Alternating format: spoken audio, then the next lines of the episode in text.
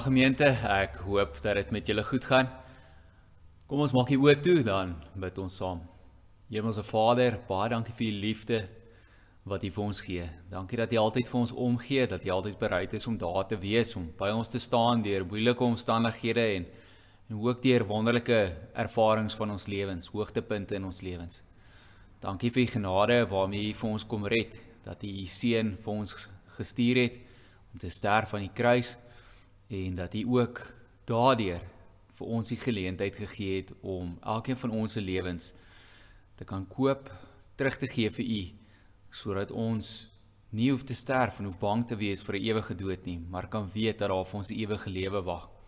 Maar ook dat dit maak dat ons dan die lewe hierso kan geniet en leef voluit en dat ons die potensiaal daarvan hopelik ook kan raak sien en kan kan geniet.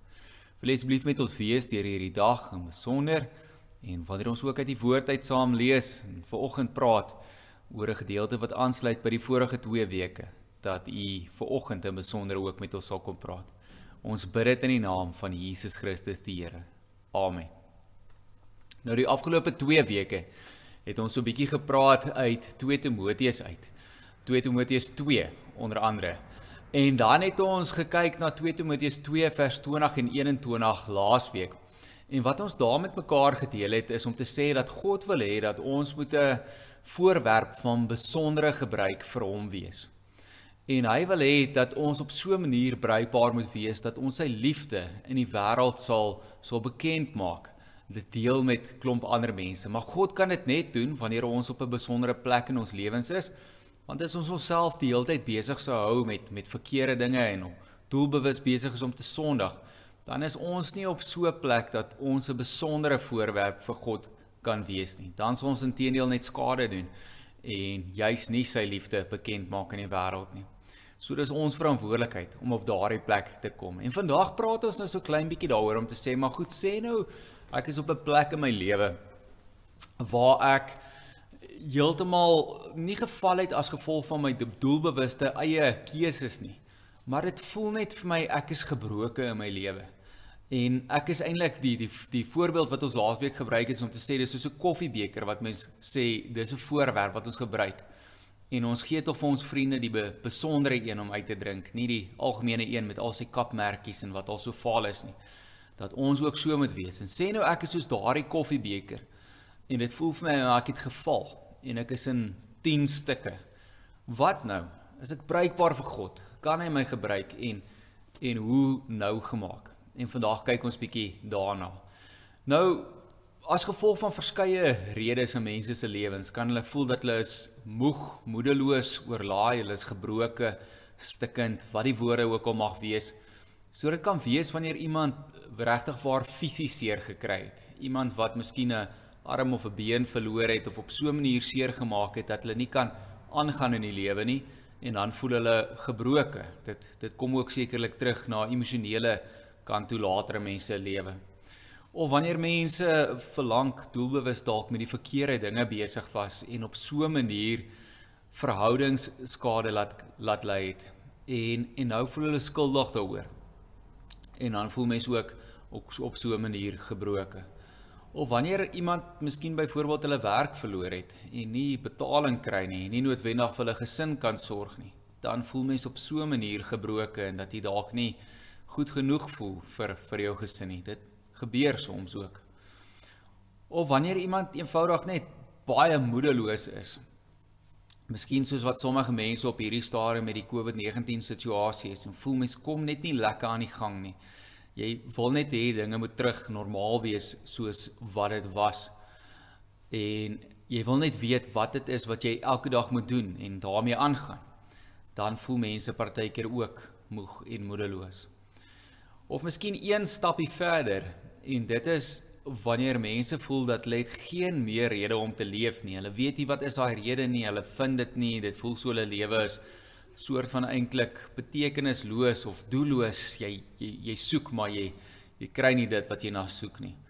Dan ervaar hulle ook iets daarvan dat hulle gebroken is.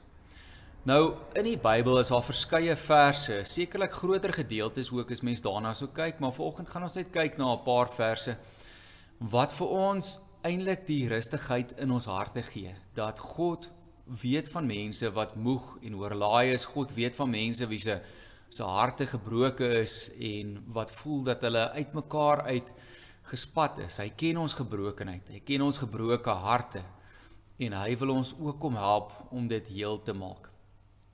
Die eerste vers wat ek graag vir ons wil lees kom uit Psalm 147 vers 3 uit. Ek wil hom sommer hier uit die Bybel uit vir ons lees want dis vir my die mooiste ene.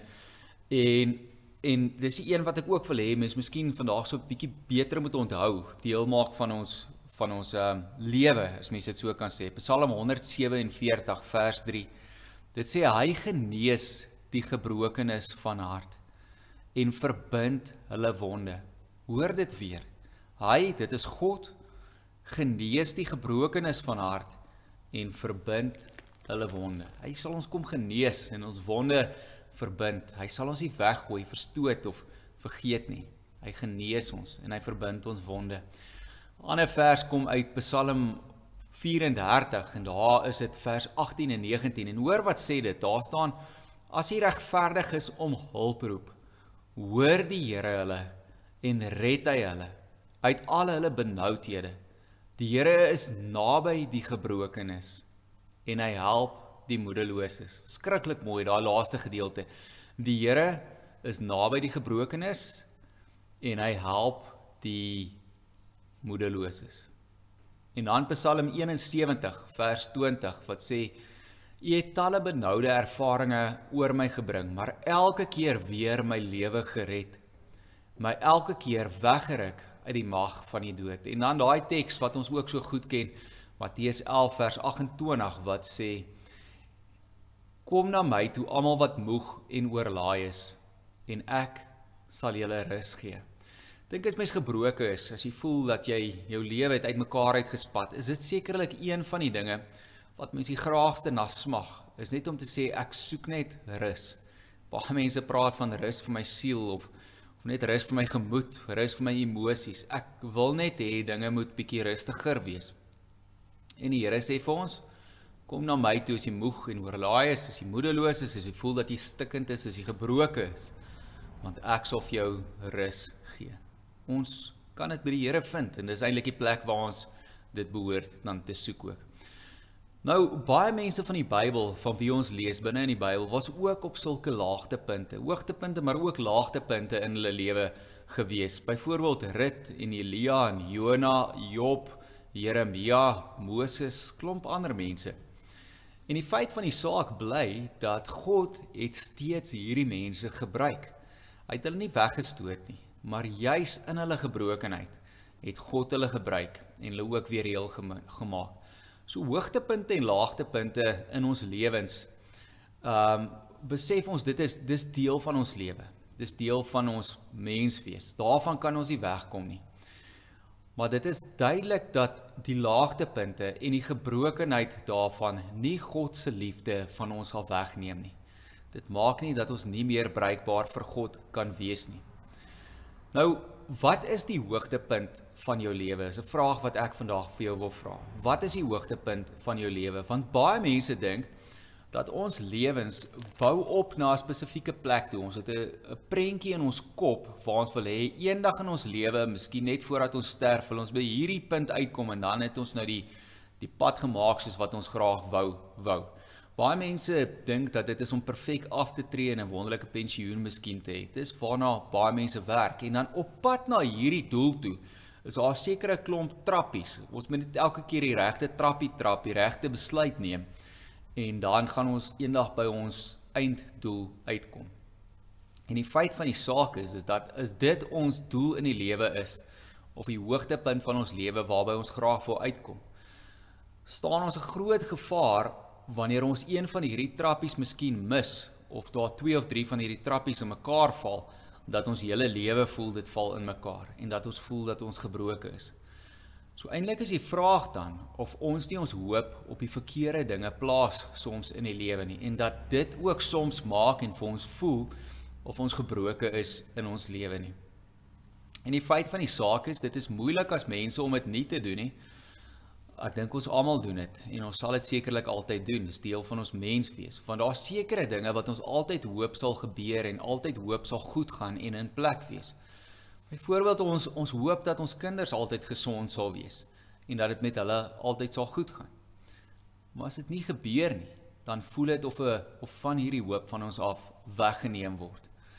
Daar's 'n klomp ander laagtepunte wat daar ook miskien kan wees dat ons wens en hoop ons sou altyd gelukkig getroud wees. Maar wat is ons nie in 'n gelukkige huwelik is nie? Hoe werk ons daaraan? Of is ons huwelik miskien heeltemal uitmekaar geval het en dit dalk nou al by egskeiding gekom het of al daar verby is? Wat dan? Beteken dit dat ek gebroken is en nie meer bruikbaar is vir God nie? Dit is ook nie waar nie. So wanneer te veel van hierdie stukkies hoop dan verlore gaan, dan voel dit partykeer vir mense asof hulle totaal en al hopeloos is en asof hulle net wil opgee. En dan is die vraag, maar wat sal vir ons hoop gee? Wat sterk genoeg is om altyd daar te bly sodat wanneer daar laagtepunte in ons lewe is, weet ons daar's nog steeds 'n doel en 'n rede in ons lewe om te bly leef en om nog steeds hoopvol te kan bly. Iets wat vir ons hierdie doel in die lewe sal gee. Nou ek lees onlangs in 'n boek van mense wat in verskriklike uitdagende situasies was tydens die Tweede Wêreldoorlog. En 'n vraag wat in die begin van hierdie boek gevra word is waarom het party van die mense so sterk vasgehou aan iets wat vir hulle hoop gegee het dat hulle deurgedruk het om op die ouene van die dag te probeer oorleef in hierdie swak, moeilike omstandighede waarin hulle waaraan hulle was. So hoekom het party mense harder as ander probeer om te oor, oorleef? En dan later in die boek word daar geskryf van hierdie hartseer situasie wat dit eintlik besig is om om te beskryf dat hulle kon eintlik al sien wanneer van hulle vriende sou sterf. En dit is wanneer hierdie mense, daar was sekere tekens gewees wanneer hierdie mense begin opgee het. Byvoorbeeld in die oggend wou so 'n persoon nie meer opstaan nie. En dan het die vriende regtig probeer oortuig en moet inpraat, maar daai persoon moet die besluit self neem. En wanneer iemand dan miskien opgestaan het, kon jy sien dat hierdie persoon net nie meer moeite met homself gedoen nie. Hy het nie meer sy hare gekam nie, nie warm genoeg aangetrek in die in die vriesende winter weer nie. En hulle het selfs hulle self begin verwaarloos met eetes, deur nie genoeg te eet nie of hulle in die kombuis kon werk en en ekstra kos kon kry om gesonder te wees, sterker te kon wees, het hulle dit ook opgegee. En dit was nie lank nie dan het so 'n persoon gesterf. Mense kon sien wanneer iemand heeltemal hoop verloor het en begin opgee het. Dit was eintlik soort van voorspelbaar om te weet dat so 'n persoon sou sou sterf. En die vraag is dan maar hoekom sou dit gebeur? En die realiteit is dat dit vandag ook dikwels gebeur. Mense word soms so gebroken dat hulle nie meer kans sien om aan te gaan nie.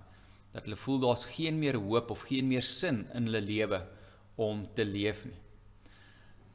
Nou, wat maak dan dat mense hoop het en dat hulle bruikbaar is? En Friedrich Nietzsche het 'n baie mooi ding gesê. Hy het gesê en is in Engels, ek gaan dit probeer mooi vertaal in Afrikaans ook, maar hulle sê soos hy het gesê, dit sê He who has a why to live for can bear with almost any how. He who has a why to live for can bear with almost any how. Nou my vertaling daarvan is dat dit iets is soos hy wat 'n waarom het of 'n rede het om voort te leef sien kans vir byna enige hoe of hoe om deur enige omstandighede te kom. So as jy 'n rede het om te leef, wat jy nog hoop voor het, wat nog 'n doel in jou lewe gee, dan sal jy kans sien vir byna enige manier om daardeur te kom. Maak nie saak wat die lewe na jou kant toe gooi nie. Dink 'n vraag wat ons vir onsself as gelowige mense moet afvra is waarom wil ons leef? En wat is jou waarom? Waarom wil jy leef? Nou as gelowige kinders van God kan mens miskien baie ander dinge opnoem. Ons het net genoem van ons kinders, ons huwelike, ons werk. Daar's baie dinge wat 'n doel in ons lewe gee. Maar as ons net kyk na 'n geloofsaspek daarvan om te sê maar ons wil vir God leef en dis baie keer die maklike antwoord, maar wat is die bietjie dieper ding agter dit om te sê ons wil vir God leef? Dan is die punt dat God het elkeen van ons gemaak om in 'n mooi perfekte verhouding met hom te staan. Ons weet mos nou met die sondeval het hierdie verhouding skade gekry. Maar God wil hê ons wil moet in 'n mooi verhouding met met hom staan. En God het van sy kant af sy sy seun vir ons aan die kruis laat sterf sodat ons weer in daardie verhouding met God kan wees. Dit is wat God van sy kant af vir elkeen van ons gedoen het sodat ons in daardie verhouding kan wees. En om een van God se kinders te te wees beteken dat ons dan ons eie lewe vir God teruggee en sê Here, soos wat U vir my aan die kruis gesterf het, wil ek nou my lewe vir U teruggee en vir U leef. En dis iets wat ek dink so bietjie in ons kop moet gebeur, want dis iets wat 'n prentjie soms so klein bietjie anderster in ons in ons kop skep oor ons eie lewe en ons eie doel wat ons het soms vir ons lewe of binne ons kop oor ons lewe. En om dan te sê dat ek leef nie meer vir myself nie, maar ek leef vir God, beteken dat alles wat die lewe na my kant toe gooi, of dit goed en of dit sleg is, doen ek tot eer en verheerliking van God, maar op so 'n manier omdat ek weet ek leef vir hom. As al dan slegte dinge oor my pad kom, soos Paulus ook skryf, sê dit maak eintlik nie saak nie want ek leef my lewe vir die Here. Die Here sal my weer help om uit dit uit te kom.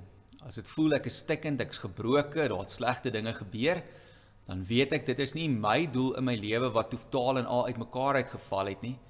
Dit is maar deel van die Here se plan binne in my lewe en ook in hierdie gebrokenheid sal hy my gebruik.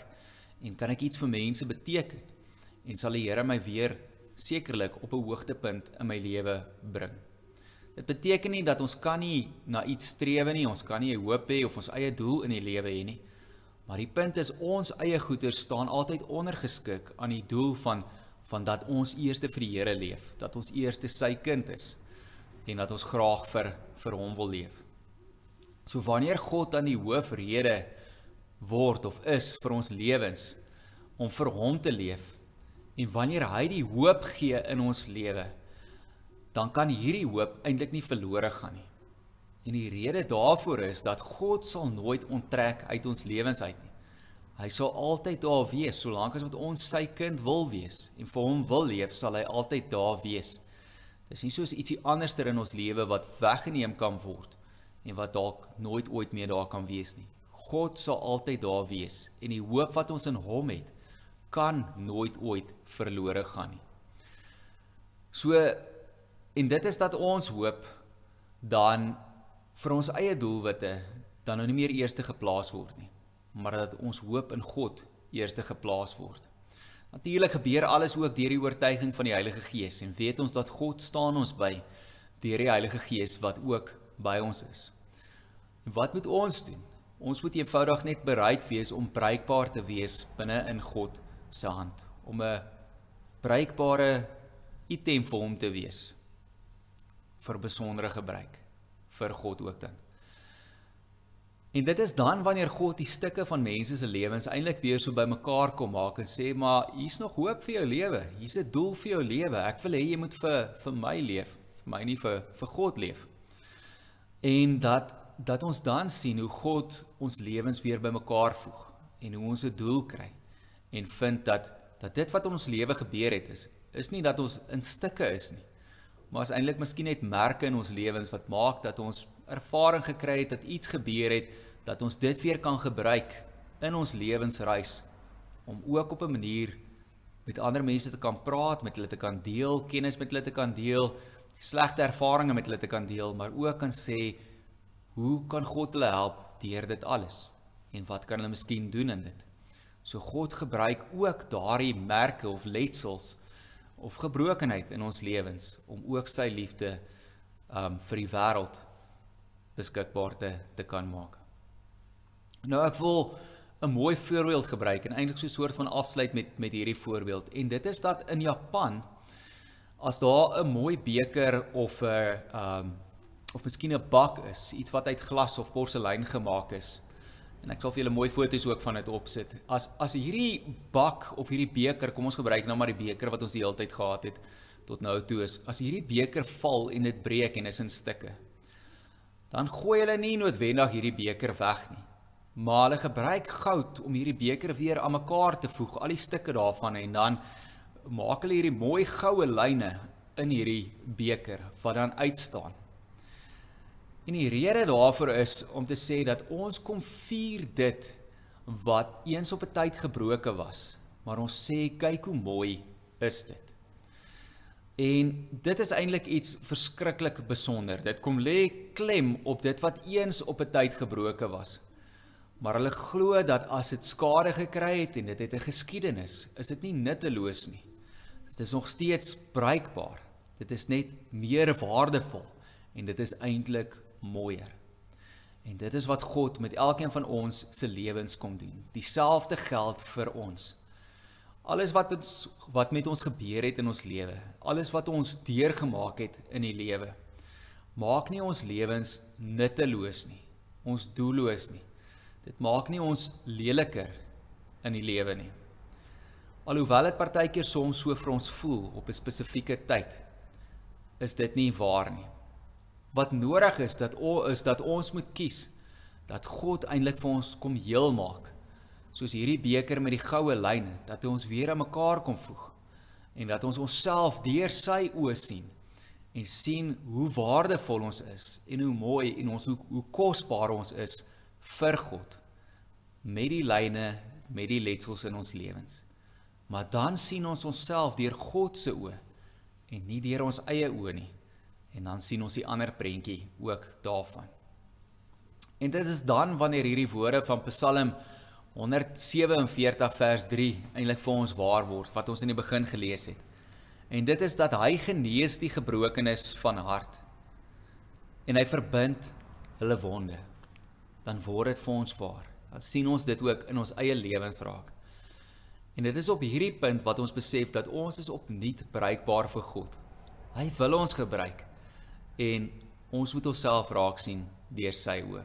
Ons het 'n doel in die lewe en hierdie doel en hierdie hoop is om vir God te leef en vir hom bruikbaar te wees. Want God kan vir elkeen van ons kom heel maak. Miskien is dit ook op 'n manier as ons dan besef dat ons so vir God moet leef dat ons besef wat is hierdie liefde vir God en liefde vir ons naaste wat ons ook dan uitleef. Mag dit vir jou in jou lewe ook so wees en dat jy ervaar dat jy kosbaar en besonder vir God is. En dat dit met of sonder krake is, maak eintlik nie saak nie. En mag God elke keer jou gebroke hart kom genees en dat jy sy liefde sal raak sien. Kom ons bid saam. Hemelse Vader, dankie dat elke keer wanneer dit vir ons voel as ons seer kry, as ons op 'n laagtepunt is, as ons moedeloos is, as ons miskien uitmekaar uitgespat het en gebroken voel, dan het ons nog 'n doel. Dan kan ons nog steeds vir U leef en nog steeds kosbaar wees vir U, bereikbaar vir U. En wil wil U asseblief vir ons kom seën binne in dit. Wil U asseblief vir ons kom heel maak. Ons gebroke harte kom genees en ons moedeloosheid kom wegneem. En Here vir ons 'n nuwe doel gee wat ons altyd by ons sal kan hou en altyd daaraan vashou en dat dit altyd ook vir ons hoop gee. Maar help ons ook asseblief in al die ander fasette van ons lewens die dinge waarmee ons besig is, ons gesinne, ons kinders, um die mense vir wie ons lief is en ons werk en al die ander dinge ook dat ons binne in dit ook u liefde mag uitleef. Hemelse Vader, gebruik asseblief ons lewens met die letsels, met die merke, maar in besonder met u liefde daarin om dan ook vir die wêreld te wys dat u is vir ons baie lief. Hemelse Vader, Wil asseblief met ons wees deur hierdie dag wat vir ons voorlê en ook om sonder deur die week wat vir ons voorlê. Dat dit 'n mooi week mag wees. Beskerm asseblief elkeen van ons en hou vir ons veilig. En dankie net vir alles wat U vir ons gee. Ons bid dit in die naam van Jesus Christus die Here. Amen. Mag U ook in hierdie week die genade van ons Here Jesus Christus en die liefde van God ons Vader en die teenwoordigheid van die Heilige Gees beleef en weet dat God met jou is op 'n baie besondere manier. Amen. Mooi dag en week ook vir elkeen van julle.